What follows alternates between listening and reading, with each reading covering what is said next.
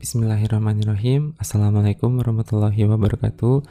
Kembali lagi di podcast Zendiari Untuk episode ketiga. Oke, okay, uh, eh, aku mau lanjutin cerita dari yang cerita kemarin ya. Yang kemarin itu adalah tentang benalu. Di tentang benalu itu aku mau sekedar mengingatkan lagi Buat uh, teman-teman yang di teman-teman yang di luar sana yang masih belum mendapatkan pekerjaan itu jangan mikir kalian itu benar-benar sebagai benalu bagi kedua orang tua kalian. Orang tua kalian itu pasti apa ya nggak sepicik itu gitu memikirkan kalian itu adalah sebuah benalu dari keluarga. Itu menurut aku orang tua kita tuh insya Allah nggak akan mikir sampai segitunya gitu. Oke lanjut ceritanya uh, waktu beberapa kali ditolak di beberapa perusahaan juga aku hampir nyerah sih tapi untungnya ada temanku masih ingat di episode 1 yang waktu itu aku bilang apa namanya aku dapat beasiswa ke Jepang. Nah itu ada temanku salah satu mahasiswa di situ. Maksudnya salah satu yang mendapatkan beasiswa itu juga gitu. Yang alhamdulillahnya waktu itu masih kontek-kontekan juga gitu tuh kita.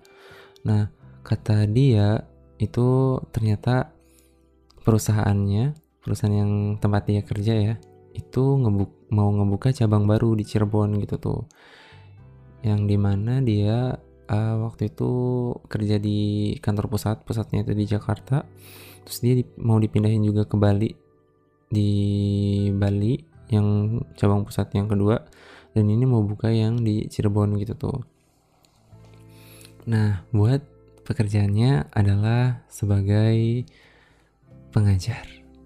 Ya sebagai pengajar itu adalah dari awal aku udah cerita banget kan kalau misalnya aku masuk kuliah walaupun aku jurusan pendidikan bahasa Jepang tapi aku nggak mau jadi guru.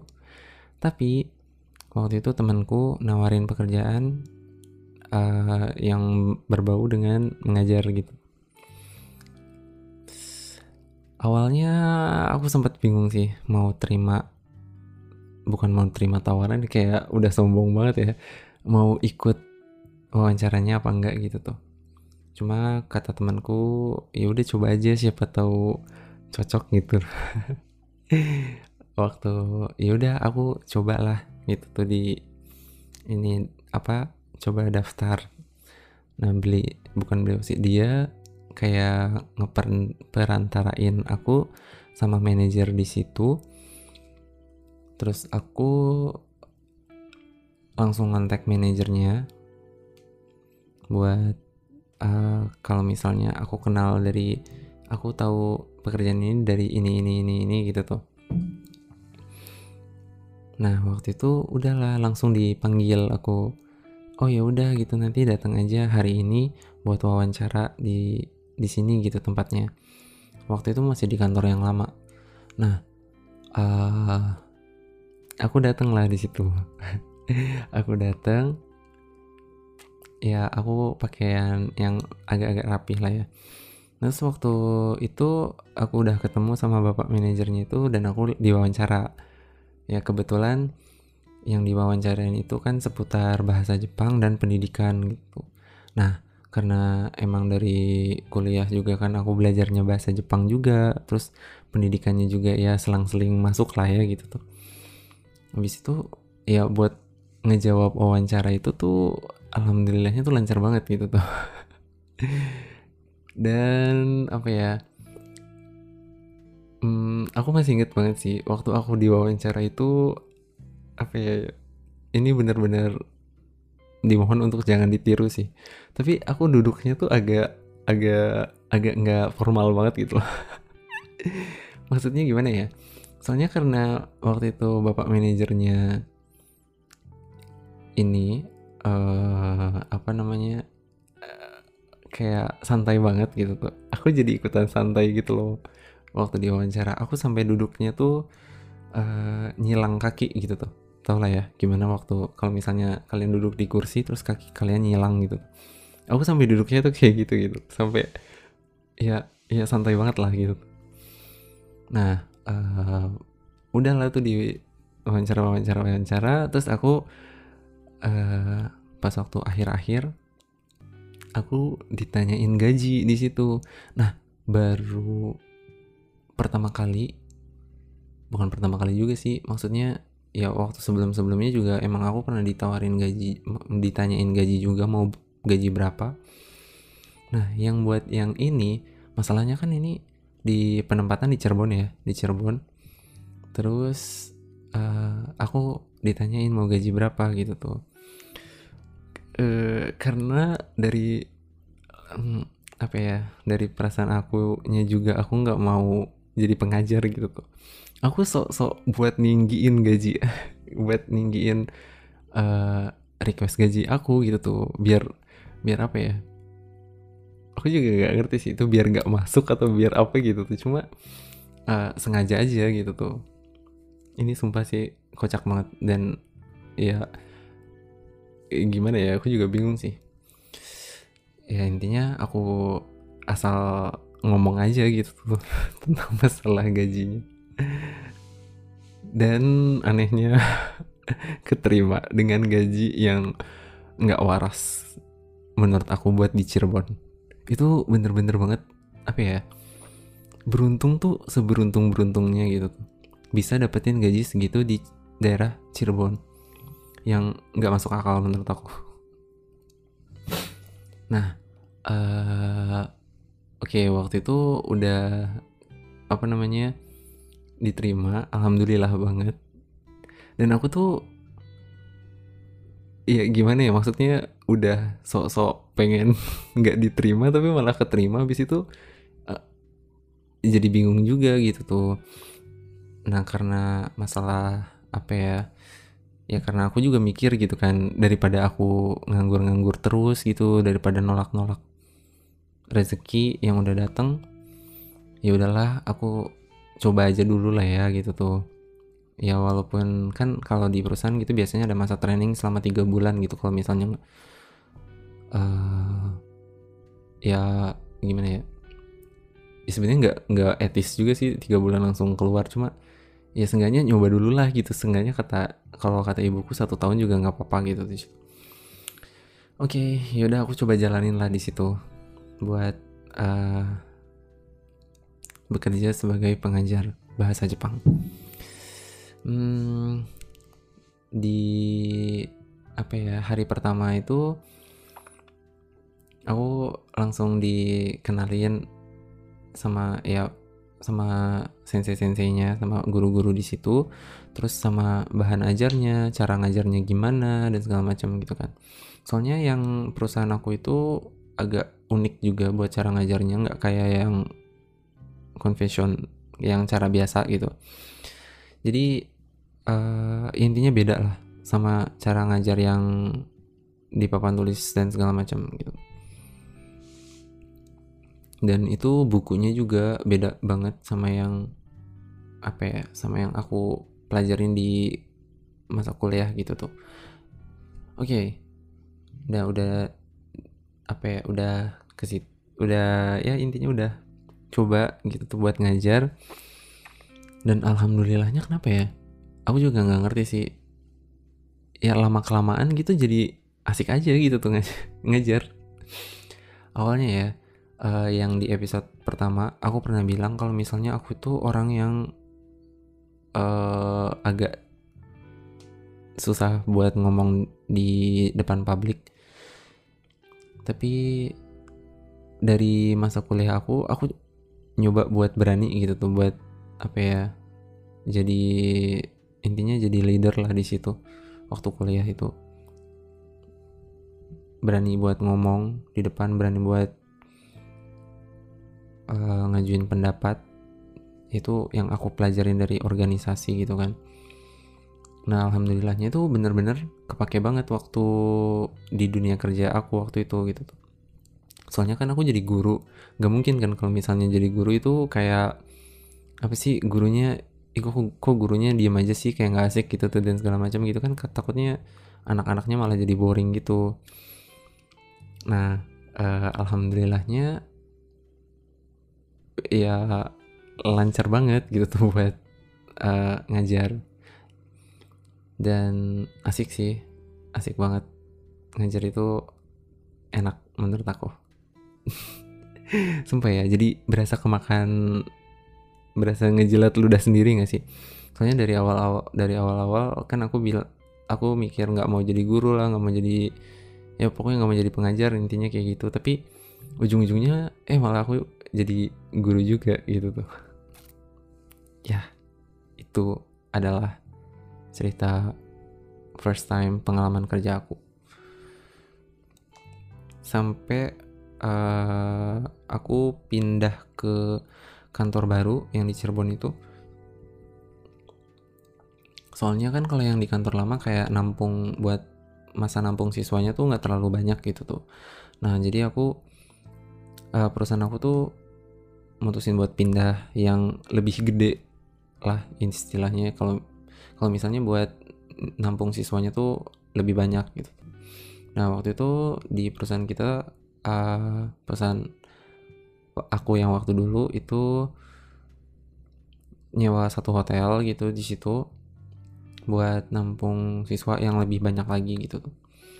Nah waktu di situlah apa ya banyak banget yang berubah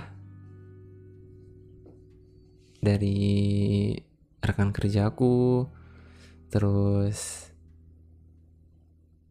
uh, ya jalan buat masa depan aku juga di situ mulai dari situ sih berubahnya. Cuma aku bingung juga ya kalau mau aku ceritain agak nggak enak soalnya. Oke okay, aku cerita langsung skip aja ya. Setelah beberapa bulan itu kan ada pengrekrutan lagi tuh. Jadi ada ada ada yang punya ini enggak apa channel buat jadi sensei lagi gitu buat uh, ngajar di sini gitu kan. Terus kan aku mikir siapa ya kira-kira gitu tuh. Dan kalau dari kakak kelas aku sendiri itu tuh ada satu orang gitu tuh yang beliau orang kuningan gitu. Nah kenapa nggak masukin dia aja gitu kan? Soalnya kan aku juga maksudnya gimana ya? Aku kan kerjanya di Cirebon. Terus rumah aku juga di Cirebon gitu. Karena deket gitu jadinya tuh enak gitu tuh buat kerja. Uh, terus nggak nggak perlu mikirin uang kosan nggak perlu mikirin uang makan gitu kan. Asal ya asal tiap bulan ngasih ke ortu aja lah ya istilahnya gitu sih. Ya terus aku coba buat ini apa namanya uh, kontak kakak kelas aku itu. Nah ternyata pas banget dia katanya mau resign gitu kan mau resign dari kerjaannya dia dulu. Dia dulu masih ngajar di SMA di salah satu SMA di Yogyakarta lah. Nah habis itu aku apa namanya coba ajuin ke atasan aku. Dan alhamdulillahnya keterima gitu tuh. Di situ tuh kita banyak banget ngadain acara terus ya pokoknya seru banget lah buat jadi pengajar menurut aku. Oke dari situ ya. Dari situ tuh kan uh, perusahaan aku waktu itu tuh bergerak di bidang penyalur tenaga kerja buat ke Jepang gitu kan. Dan di situ aku sebagai pengajarnya gitu tuh. Nah ada waktu itu kan buat apa ya buat nyari siswa buat bukan nyari siswa sih buat nyari tenaga kerja yang buat dikerjakan di Jepang. Itu kan kita butuh yang namanya rekrutmen juga kan. Nah waktu itu kita ngadain interview gitu tuh. Gede-gedean interview waktu itu. Jadi nampung dari berbagai daerah gitu dikumpulin di Cirebon itu di kantor waktu itu nah kan yang kebetulan yang wawancara kan itu langsung dari klien yang dari Jepang gitu tuh. Nah waktu itu pas banget gitu tuh karena belum ada penerjemah di situ tuh. Jadi aku ya udah coba uh, Zen kamu aja yang jadi penerjemah gitu tuh. Wah gila ya gimana gitu. Waktu itu kan masalahnya uh, aku belum terbiasa nerjemahin lisan gitu lisannya maksudnya dalam artian langsung banget langsung spontan gitu tuh. Terjemah lisan spontan gitu kan tanpa ada prepare atau buat nulis dulu dan segala macam gitu tuh. Dan itu pengalaman pertama aku banget buat nerjemahin. Dan wawancaranya itu sampai jam 8 malam kalau nggak salah. Dari pagi. Sampai itu bener-bener capek banget sih. Maksudnya capek capeknya capek duduk sama capek apa ya capek ngomong dua bahasa juga sih. Dari pagi sampai jam 8 malam gitu tuh kayak gitu mulu. Udah mana kayak pertanyaannya juga sama gitu kan. Nah dari situ ada salah satu karyawan klien itu.